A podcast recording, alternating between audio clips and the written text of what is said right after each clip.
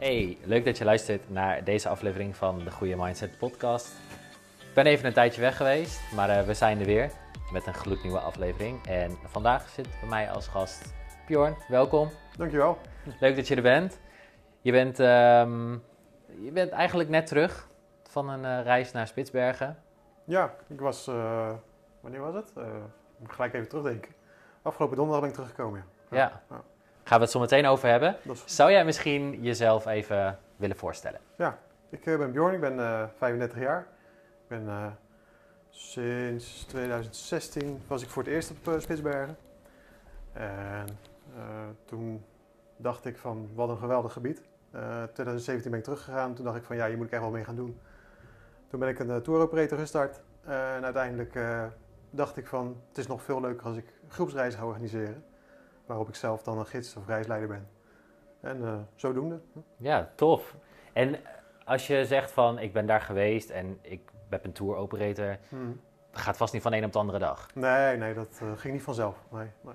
En hoe is, hoe is dat gegaan? Kan je een beetje me meenemen in hoe dat proces gegaan is? Ja, dat is goed. Eh, toen ik daar kwam, en laat ik zeggen, toen zij de tweede keer kwam, eh, toen zei die eigenaresse van het hotel van joh, eh, ik zie je passie en eh, dat je het zo geweldig vindt, waarom ga je er niks mee doen?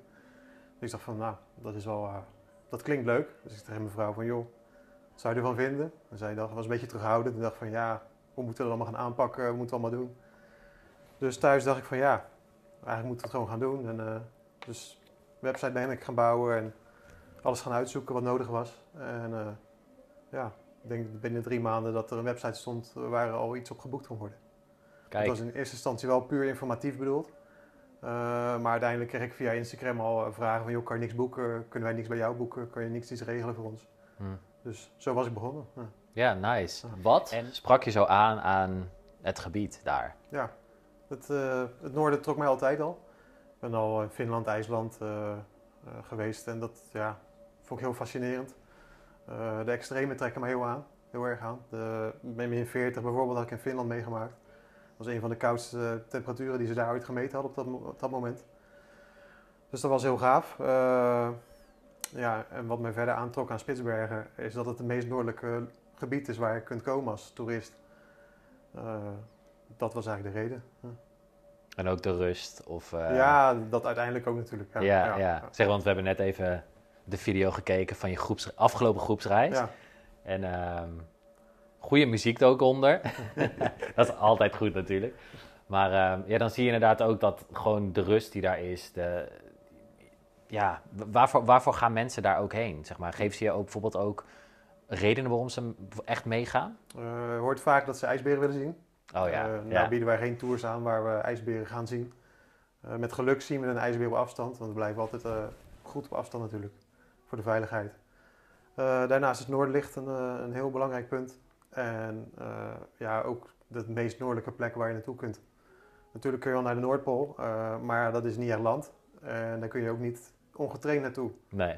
Dus dat, is, Nee. eh, dat zijn de punten waarom mensen daar naartoe willen. Ja, ja. En als ze voor zo'n groepsreis bijvoorbeeld, ze hebben een groepsreis bij je geboekt, wat zijn dan bijvoorbeeld voorzorgsmaatregelen die ze moeten nemen of wat ze uiteindelijk nog van jou te horen krijgen? Mm, Dat is voor, ja, in, eerste, in eerste instantie is dat goede kleding. Een goede uh, thermo-ondergoed bijvoorbeeld. Hm. Eh, goed in lagen gekleed. belangrijk, ja. ja. ja, heel belangrijk. Eh, veel wol. En uiteindelijk als we daar zijn, dan krijgen ze een safety briefing. eh, voor wat er gedaan moet worden op het moment dat er een ijsbeer in de buurt zou zijn. Ja. En verder? En verder is er niet heel veel eh, Nee. extra nodig. Nee. Nee, precies. Ja. En misschien een goede mindset. Dat Tegen de belangrijk. Ja, klopt. ja. En als, eh, als je inderdaad, je, je, je spreekt dan bijvoorbeeld met de groep af, spreek je ze bijvoorbeeld voor dat je op Schiphol elkaar moet ook al, of dat nog niet? Eh, nee, nou ja, via WhatsApp hebben we een groep eh, en daar neem ik alles door wat belangrijk is van tevoren. Ja, Maar we spreken elkaar niet van tevoren al. We zien elkaar op Schiphol en daar spreken we af bij, dit keer was het bij Hello Goodbye. Daar hebben we even wat gedronken met elkaar. En, ja, Daarna rustig aan naar de incheckbalie. ja, ja. En hoe gaat, het, hoe gaat het dan verder, zeg maar? Eh, de reis bedoel je? Ja, Eh, vanaf daar eh, ja, gaan we met elkaar eh, naar Oslo. Eh, en daar slapen we die nacht. En de volgende dag vliegen we door naar Longyearbyen. En dat is Ja. de hoofdstad van... Ja, de hoofdstad van, Longye- of de hoofdstad van Spitsbergen. Ja, ja, precies. En, En wat, zijn, wat is dan de eerste reactie die bijvoorbeeld mensen hebben als ze daar zijn? Ja, die, eh, je hebt een hele kleine luchthaven. Dus je hebt eh, de bagageband en je kunt direct naar buiten en naar binnen lopen. Dus je, ja, ze hebben de bagage opgehaald en eh, ze lopen naar buiten naar de bus toe. Dan heb je daar een, eh, een, ij- een ijsberenbord staan. Zoiets als deze.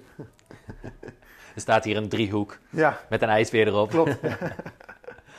en ja, dat is, eh, als je daar naartoe kijkt, dan heb je op de achtergrond de, de Hjortfjellet.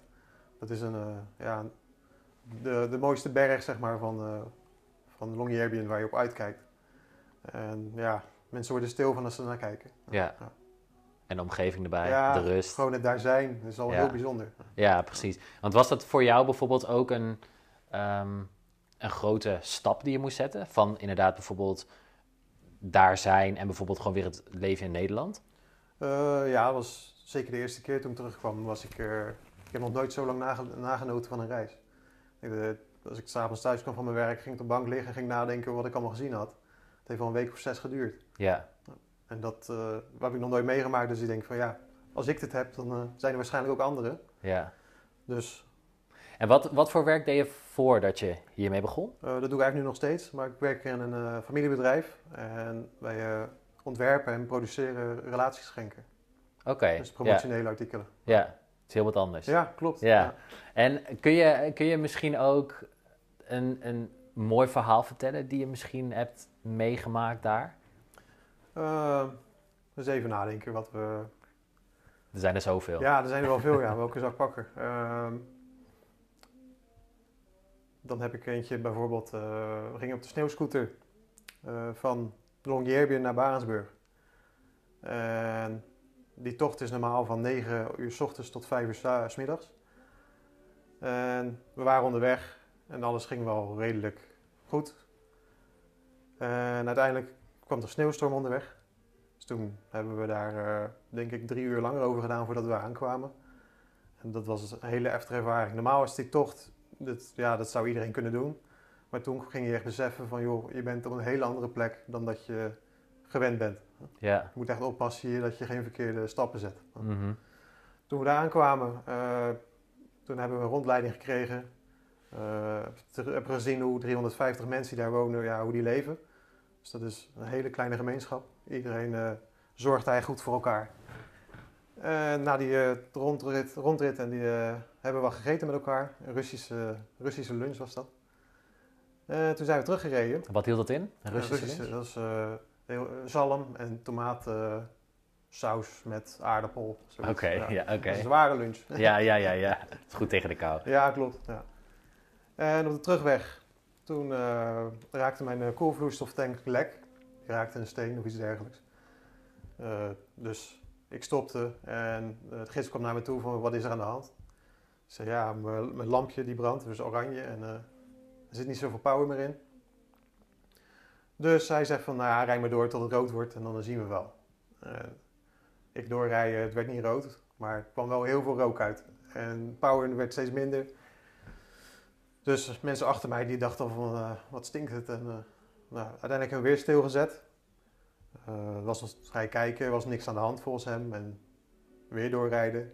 Tot uiteindelijk bijna de vlammen uit, uit de motorblok kwamen zetten. Ja, holy shit. Dus toen heb ik hem heel snel stilgezet en zijn we afgestapt. En toen ja, hebben we daar gewacht, denk ik drie kwartier. We hebben ze geprobeerd om te repareren. Maar dat is niet gelukt. En hoe koud was het? Eh, min 27 denk ik toen. Ja. Ja. Maar je krijgt ook nog een extra overal aan, dus dat, ja, je merkt niet veel van de kou. Nee, nee. Maar het was inmiddels al wel weer, eh, ik denk, eh, half acht s'avonds. avonds. we moesten nog, denk ik, twee, twee uur terug. Dus het werd een hele late avond. Ja, ja.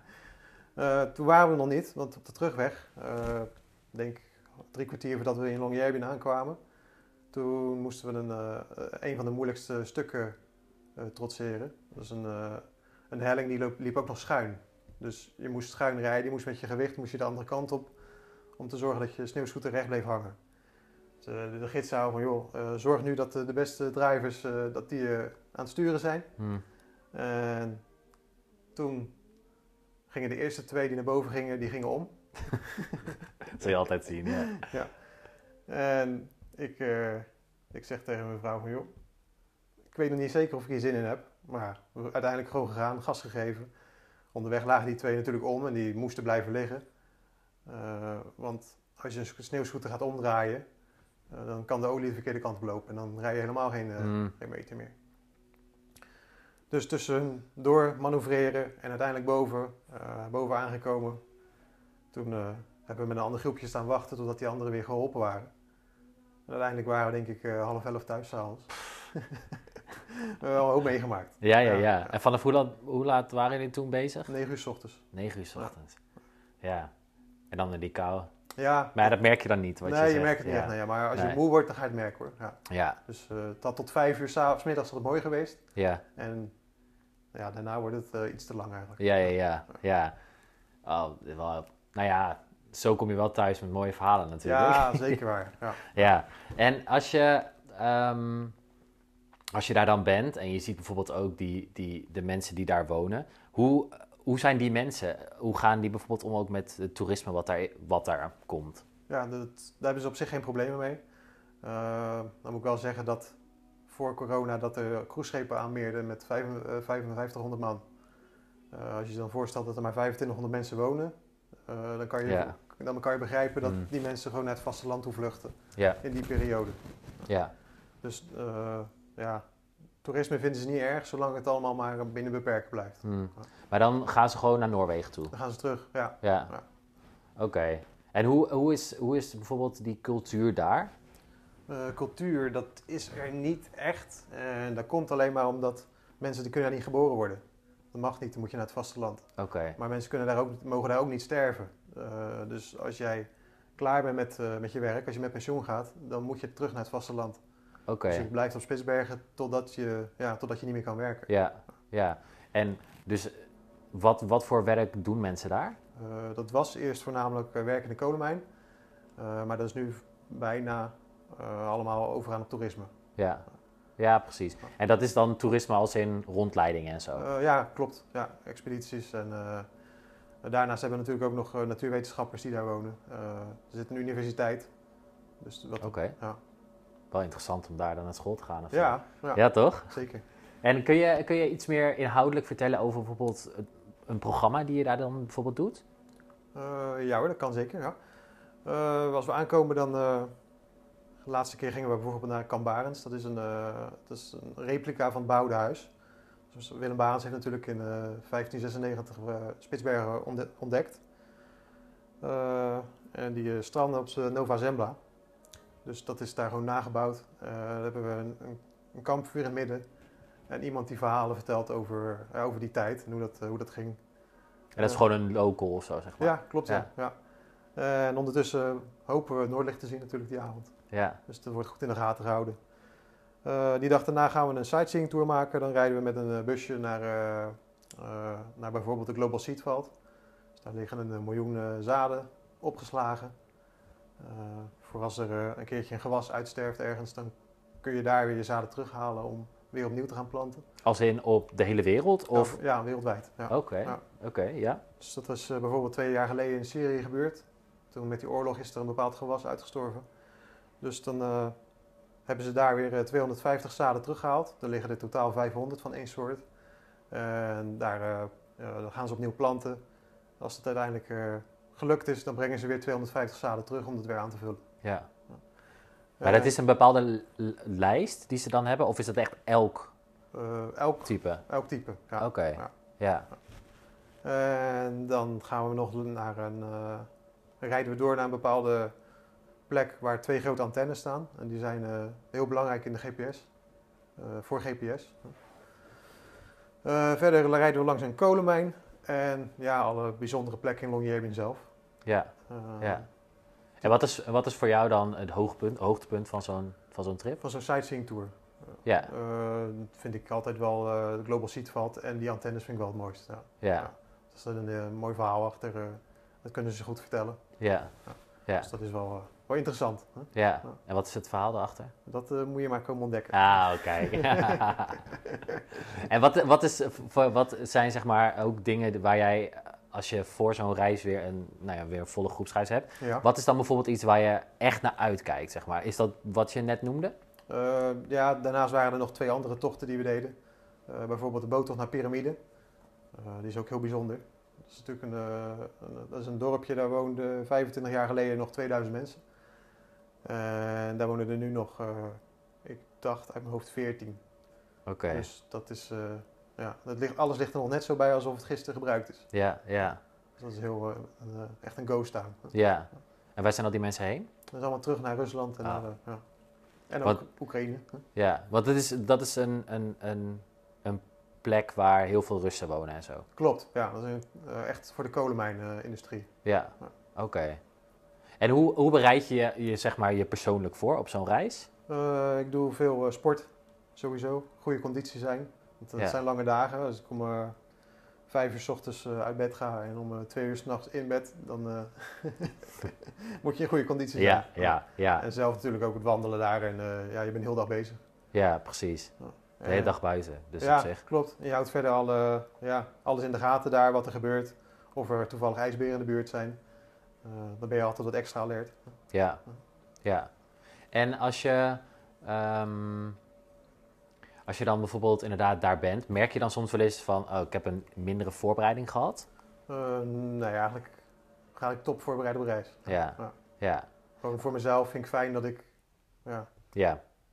Gewoon dat je ja precies. Ja. gewoon goed voelt. En, eh, Mhm. Heb je ook wel eens meegemaakt dat er bijvoorbeeld mensen ook wel op de groepsreis waren die het misschien niet helemaal goed voorbereid waren? Eh, nee, dat heb ik niet. Maar ik heb wel een keer eh, individuele reis verkocht aan eh, mensen uit Indonesië.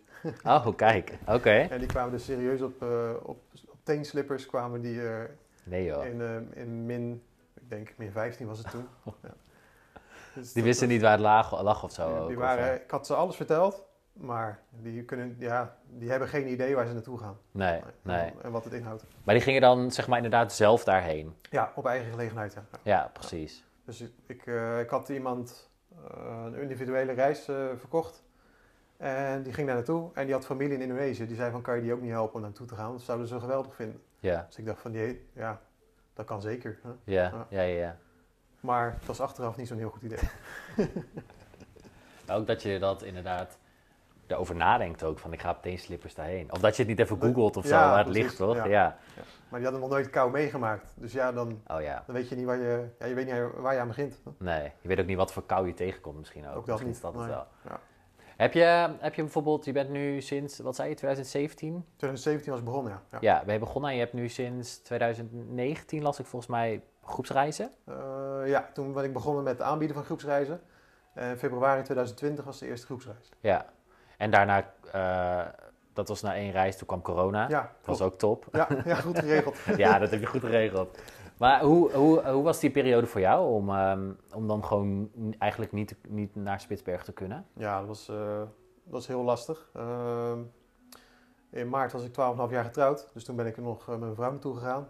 Gewoon om even lekker te relaxen. En, Relaxen ja, in de kou. ja, klopt. Heerlijk. De meeste mensen zouden dan naar de warmte gaan, maar nee joh. maar dat eh, liep na een dag even anders. Toen eh, kwamen we in, eh, in het hotel en we werden in isolatie geplaatst. oh ja, ja, Ja, dus ja, toen we daar uiteindelijk terugkwamen in Nederland, toen dachten we ja, hoe gaan we dit aanpakken? Want hoe lang, hoe lang ben je dan in isolatie geweest in, op Op Spitsbergen? Spitsbergen zelf was vijf dagen. Ja, de gouverneur wilde uiteindelijk dat wij van het eiland zouden vertrekken. Want de, luchthaven zou wel eens dicht kunnen gaan en de hotels zouden kunnen sluiten. Dus ja, ze wisten niet eh, zo goed wat ze met ons aan moesten. nee, Het was precies. min 30 die tijd, dus buiten gezet worden is geen, eh, geen Nee, optie. nee, nee. Ja. En, en daarna, toen was je terug en toen? Ja, eh, leegte. Hè? Kon je al je annuleringen gaan verwerken. Ja. Dat was even, even zwaar. Hè? Hmm. Maar goed, uiteindelijk zagen we weer dat het langzaam aan de goede kant op ging. En dan kun je daar weer een beetje aan, aan optrekken. Ja. Maar het is een zware tijd geweest. mhm. En was het ook mentaal zwaar? Ja, voornamelijk. Ja, ja. Ja, je, ja, je hebt je agenda helemaal vol staan met boekingen. En uiteindelijk eh, kun je dat allemaal in de prullenbak gooien. hè? Ja. Ja. En, en hoe, hoe, heb je, hoe heb je jezelf zelf zeg maar, een beetje staande gehouden daarin? Eh, dat was het geluk dat ik nog een baan hiernaast had. Eh, dus ja, ik ben eigenlijk anderhalf jaar aan het werk geweest om het bedrijf overeind te houden. Ja. Ja. Hmm.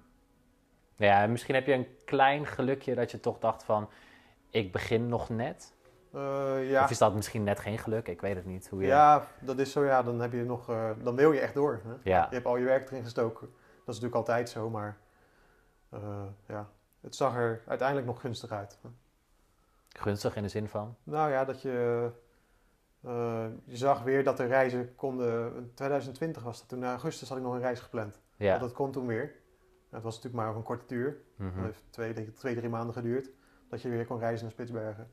Dus ja, aan dat soort momenten, dan eh, trek je er weer even aan op. Ja. En ben je toen daarheen geweest? Eh, ik wilde gaan, alleen toen was het net op het moment dat het geannuleerd werd. Oh, oké, oké, ja, ja. En was dat dan Augustus 2020. vanuit, maar was dat vanuit Nederland of Ja. vanuit Spitsbergen? Vanuit Nederland, ja. Ja.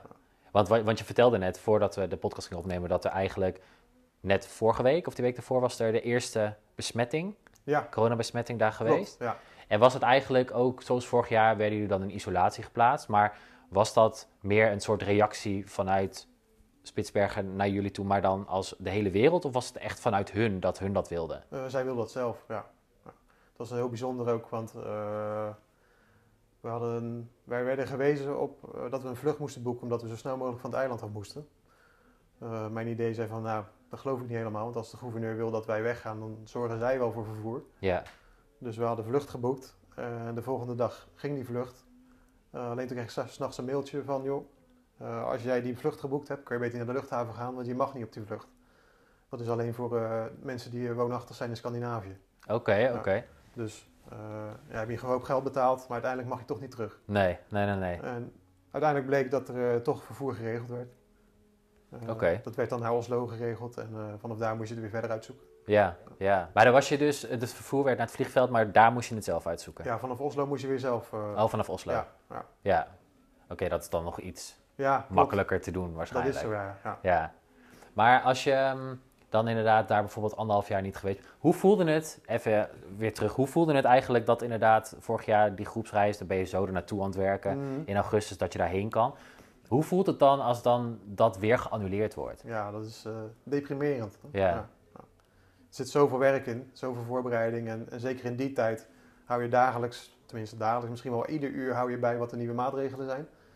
En d- dan leek het allemaal door te gaan, iedereen was blij en uiteindelijk gaat het dan toch weer niet door. En, ja, dan, eh, dan moet je eerst jezelf even bij elkaar rapen en dan Mhm. zorgen dat je gasten weer, eh, Ja, weer eh, positief worden. ja, ja, precies. En dat ze natuurlijk, het is natuurlijk ook lastig om te zien of ze dan daarna nog een keer bij je boeken. Ja, dat is ook zo. Ja. Nou heb ik wel eh, ja, veel persoonlijk contact. Dus eh, ik heb nagenoeg geen annuleringen gehad. Nee. Dus meer is allemaal verplaatst. Ja, ja, ja, precies.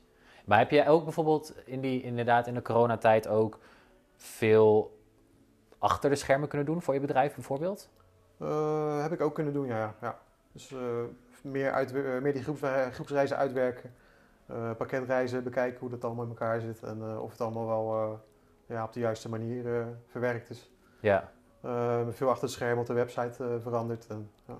Dus dat, daar hebben we ooit tijd voor gehad. ja precies. Dus je zat nog wel een beetje in die spirit van, eh van Spitsbergen. Ja, dat is ja. En daarnaast ja, wat boeken besteld voor, met reisleiding, hoe je dat, hoe je dat aanpakt. En ja.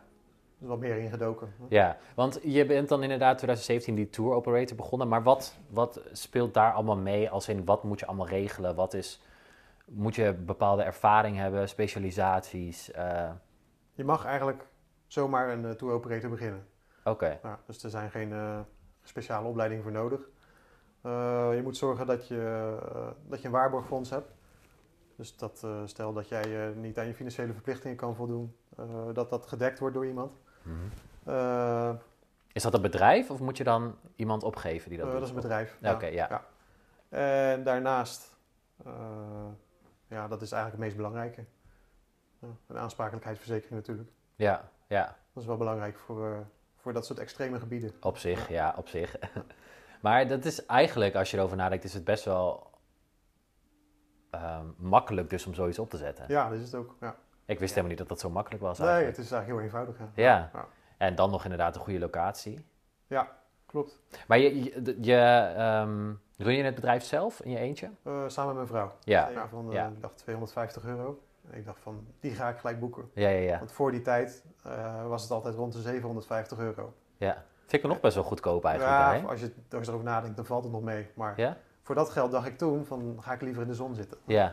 Ja, oh ja. Ja. Ja, dat snap ik ook wel. Maar uiteindelijk, eh, ja, daar naartoe gegaan en eh, helemaal verkocht. Ja. Ja.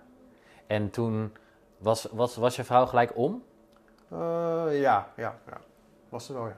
ja. Die was gelijk van oké. Ja, want inderdaad, wat je zegt, meestal zou je inderdaad zeggen dat mensen naar de zon gaan. Mm, Maar dat, nou ja, we hadden het in de auto ook over toen we hierheen reden. Dat ik zei van, ik vind ook inderdaad koudere landen ook interessanter of Mm, zo. Ik weet, ja. niet wat, ik weet niet wat het is, maar...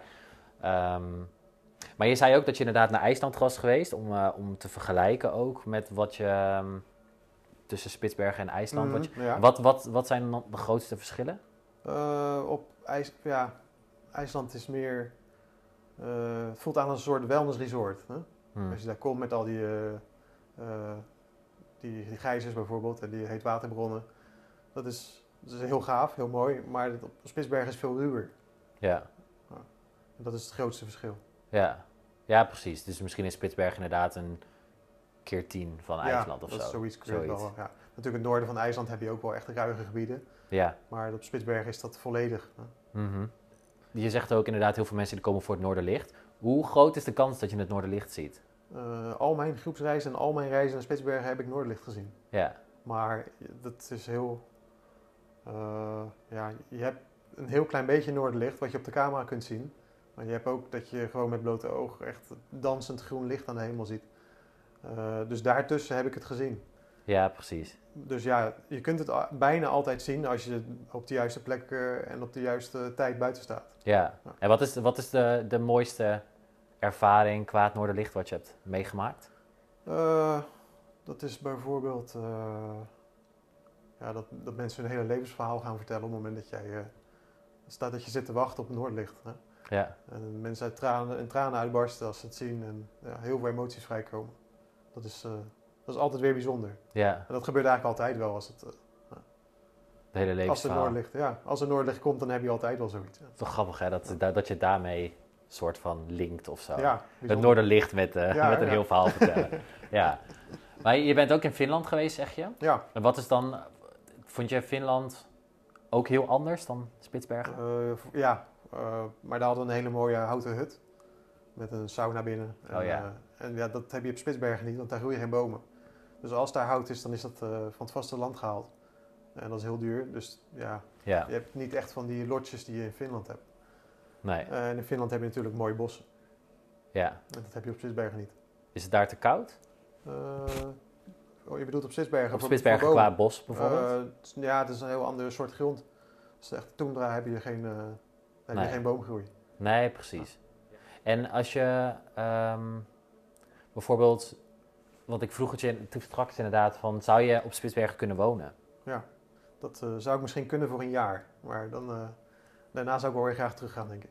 Zou het, maakt, zou het dan zeg maar soort van de magie een beetje weghalen als je daar zou bijvoorbeeld zo... Mm, zou misschien wel eens kunnen, ja. ja. Ik, eh, drie maanden geen daglicht. Dat, dat is wel zwaar als je moet werken. Ja, eh, je moet in je ritme blijven en eh, je hebt toch een beetje zonlicht nodig af en toe. Ja, Maar vier, eh, vier maanden alleen maar daglicht en zonlicht, dat is ook niet fijn. nee. Kijk, mensen die plakken daar dan hun de ramen af met aluminium.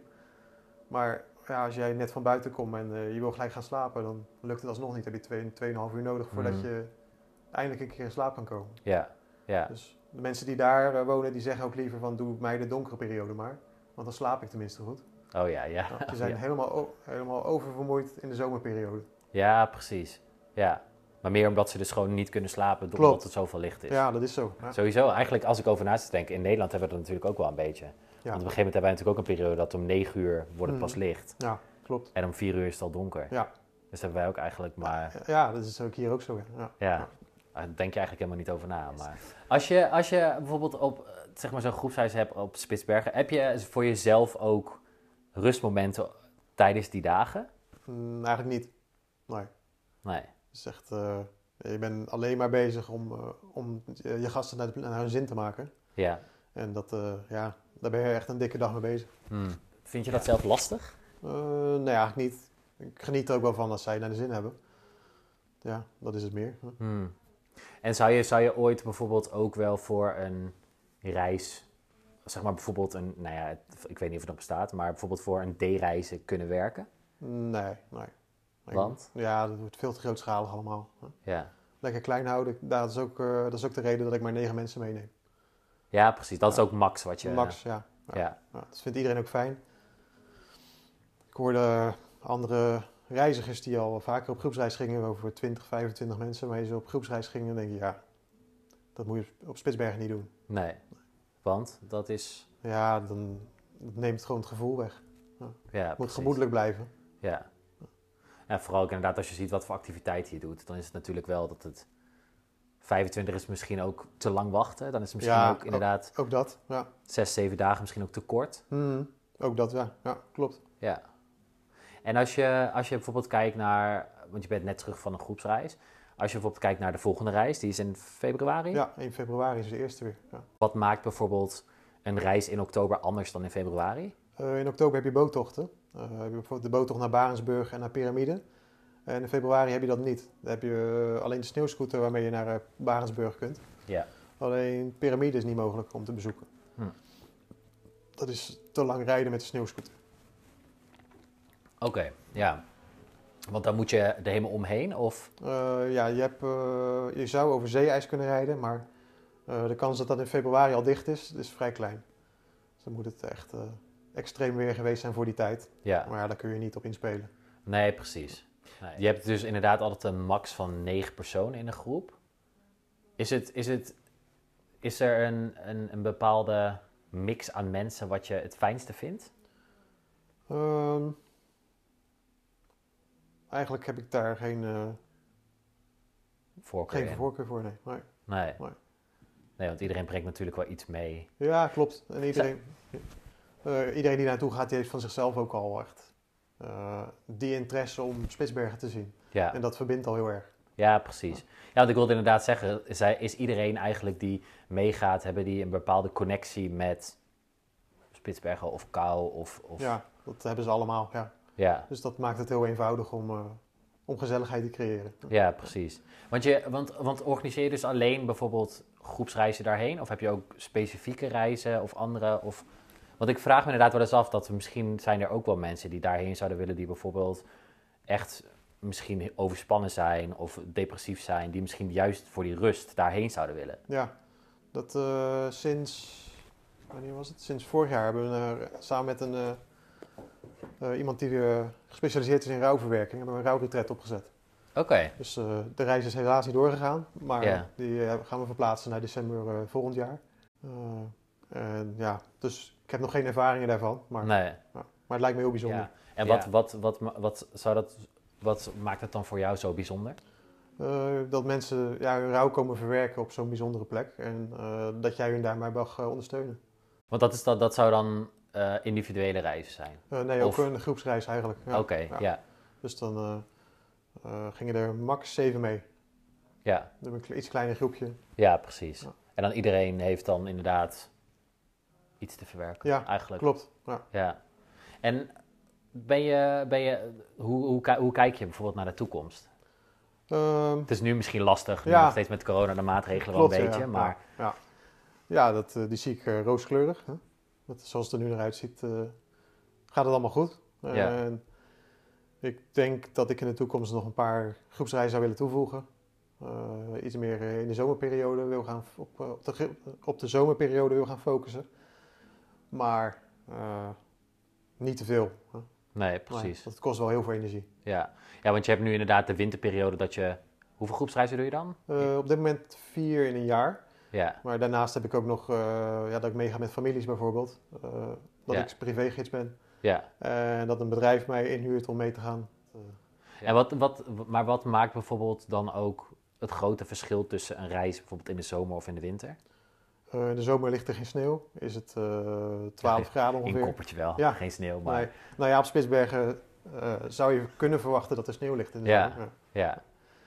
Maar dan is het 12 graden ongeveer. En dan heb je veel walvis in de, in de baai. Mhm. Dus dat is ook heel bijzonder.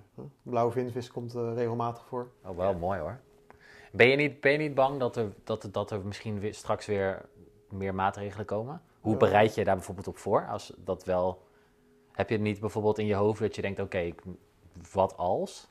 Eh, wat als komt regelmatig voor. Maar eh, ja, het, het is eigenlijk niet, er is niet op voor te bereiden. Dus ik laat het gewoon gebeuren en dan zien we op dat moment wel. Ja, precies. Het scheelt dat je inderdaad misschien daarnaast ook nog werk hebt. Ook dat. Ja, dus dat je dan klopt. nog wel eh, ja dat is fijn. een soort backup hebt. Voor corona was het net het moment dat ik, kon, ja, dat ik aan het twijfelen was van... joh, moet ik nog door op deze manier met mijn vaste baan? Want het wordt allemaal wat veel. Ja. Ja, en Ja. eh, nu zijn we even teruggeworpen, dus kunnen we weer opnieuw beginnen. Inderdaad, wat je zegt, je bent toen inderdaad, twijfelde je over eh, of je de vaste baan... Wa- waarom, waarom twijfelde je daarover? Eh, omdat het met Spitsbergen eigenlijk te goed ging. hè. Ik had daar veel te veel tijd voor nodig om, eh, ja, om alles te verwerken. Ja, En toen die groepsreizen nog bij kwamen, dacht ik van ja, het zou eigenlijk mogelijk zijn om alleen van Spitsbergen te, ja, te leven. Mhm. Ja, en als je, maar op zich eigenlijk inderdaad, nu je het zo zegt, dan is het niet het standaard ding wat er wel bijvoorbeeld, nou ja, dat klinkt heel zwaar, maar in de samenleving verwacht wordt. Omdat je natuurlijk wel van een vaste baan naar bijvoorbeeld inderdaad iets voor jezelf gaat. Ja, klopt. Dat is natuurlijk niet echt, Nee, dat is zeker, eh, als je terugkijkt op de andere, afgelopen anderhalf jaar, dan eh, lever je heel veel zekerheid in. voel, voel je je daar beter, ja, niet die, dat je er zekerheid in levert, Mhm. maar voel je daar beter bij dat je bijvoorbeeld inderdaad voor jezelf werkt? Eh, nee, eigenlijk niet. Nee, niet, niet direct, want ja, in dat familiebedrijf voelt het ook alsof je voor jezelf werkt. Dus wat dat betreft maakt het niet uit. Want wat, wat, hoe, hoe, waarom voelt dat zo? Mm, nou, je doet alles met elkaar, echt, je, je- ja, je hebt een band en eh, ja, dat voelt anders dan dat je denk ik voor een baas werkt die je niet kent. nee, precies. Nee, ja, dus je inderdaad, je, je zorgt gewoon dat je eigen dromen uitkomen in Mm. plaats van Ja, wat ze zeggen, dat je die van een ander... klopt, dat is zo. Ja, ja, ja. toch? In ieder geval, dat is wat ze zeggen. Dat, Ja, je, ze zeggen het. Dat je als je voor, inderdaad voor een onbekende werkgever werkt, dat je inderdaad hun droom Ja. meehelpt om te verwezenlijken en Klopt. niet je eigen. Dat is wel waar. Ja. En nu ben je inderdaad bezig met je eigen droom. Of nou ja, dat komt nu Mhm. uit, is natuurlijk uitgekomen. ja. Wat, zijn, ehm, wat zijn dingen wat je, wat je nog in de toekomst wil doen? Eh, lijkt me wel gaaf om iets van een hotel op Spitsbergen te, te runnen. Dus toch wel lange tijd daar te zijn. Ja, of tenminste, of mensen die daar, eh, ja, eh, die je kunt laten werken in het hotel. Ja. Ja, ja. En hoe, hoe denk je dat het, dat er ook bijvoorbeeld de komende jaren gaat met toerisme daar op Spitsbergen? Eh, dat is wel redelijk beperkt op het moment. Ze zijn aan het nadenken om, eh, om, ja, om dat een beetje in te dammen. Mhm. Eh, maar dat vind ik op zich niet erg. Want dat houdt alleen maar in dat ze de grote tour operators eh, ja, niet toelaten. Nee, En dat ze erover nadenken om alle cruiseschepen weg te houden. ja, Want nu hebben ze al een regel opgesteld om maximaal 250 eh, passagiers op een cruiseschip toe te laten. Die dan mag aanmeren in Longyearbyen. oh ja, ja, Dus ja geen, precies. grote, geen grootschaligheid meer. Oh, dat is misschien ook wel fijn. Ook voor de natuur denk ik Ja, heel goed. dat ook. Ja. Ja.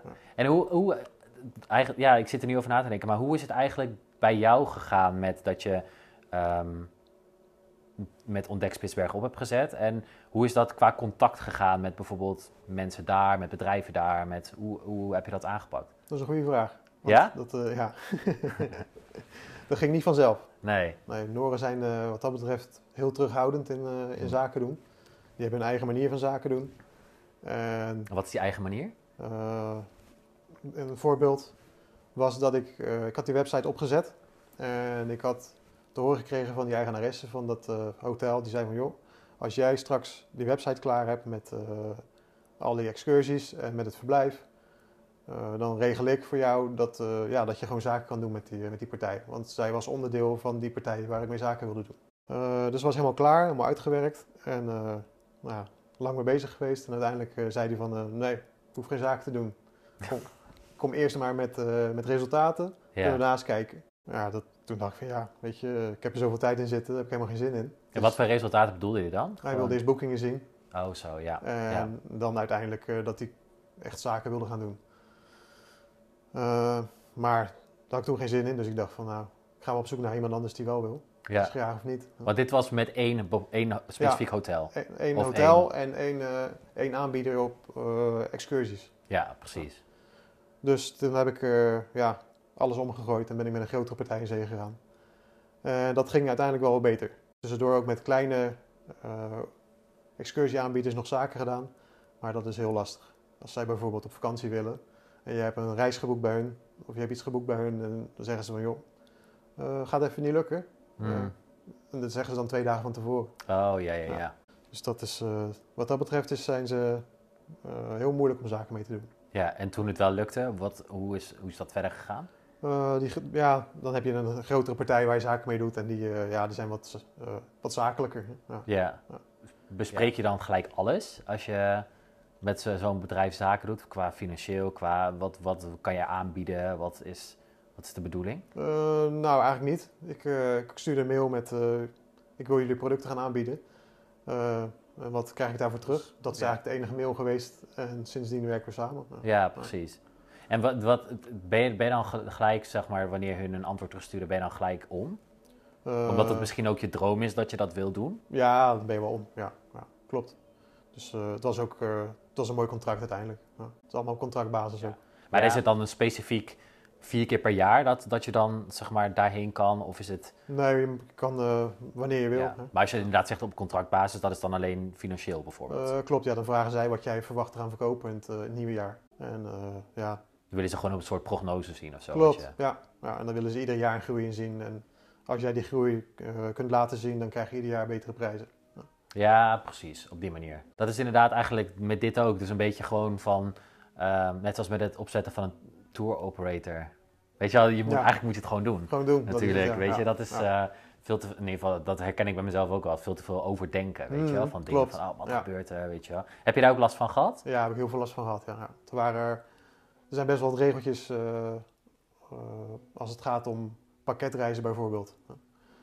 Uh, een voorbeeldje als iemand bij mij, een individueel, uh, een individueel die boekt bij mij een uh, pakketreis. En die mist bijvoorbeeld zijn trein, omdat er blaadjes op de rails lagen. Hmm. Dan ben ik verantwoordelijk voor de vlucht die zij missen door, ja, door de blaadjes op de rails. Ja, en dan moet qua ik gaan, compensatie zeg Klopt, maar. dan moet ik gaan zorgen dat ze uiteindelijk alsnog komen. Ja. wegomleidingen bijvoorbeeld is hetzelfde. Dat zijn allemaal regels uit, vanuit de EU. Mm -hmm. uh, heel de reisbranche is erop tegen, maar ja, het gebeurt. Nee, wel tof inderdaad om gewoon, gewoon actie ondernemen. Ja, eigenlijk. Weet klopt. je, als je iets tof vindt, gewoon iets doen. Maar hoe, hoe, hoe kwam je daar? Nee, je bent dan inderdaad natuurlijk op Spitsberg geweest, maar je vond het heel tof, maar dat vind je nu nog steeds, want anders zou je ja. daar niet nog steeds heen gaan. Maar hoe weet je of het echt is wat je de komende jaren nog wil doen? Of is het maar gewoon gaan en gewoon kijken wat je ervan vindt? En... Ja, elke keer als ik het vliegtuig uitstap, daar heb ik hetzelfde gevoel. Dus ja. ja. ik zou niet weten waarom ik dat over vijf jaar niet meer heb. Maar denk je dat het misschien niet over vijf jaar bijvoorbeeld wat normaler is voor jou? Mm, dus, uh, de afgelopen vier jaar heb ik niks gemerkt dat het normaler wordt, dus ik denk het niet. Maar misschien wordt het nog wel beter nu toerisme een beetje aan banden wordt Ja, dat zou goed kunnen. Kan natuurlijk ja, ook. Klopt. Nou, super tof. Ja. Ik uh, wil je bedanken ja, voor dat gesprek. Dat was leuk. Vond ik ook, zeker. Heel interessant. Jullie bedankt voor het luisteren. Nou, tot de en, volgende uh, podcast. En jij bedankt. Graag gedaan. Hey, nog even een reminder. Je kunt me ook vinden op alle podcastplatforms, op social media, at de goede mindset. En vergeet ook niet even te volgen en te liken. Tot de volgende podcast.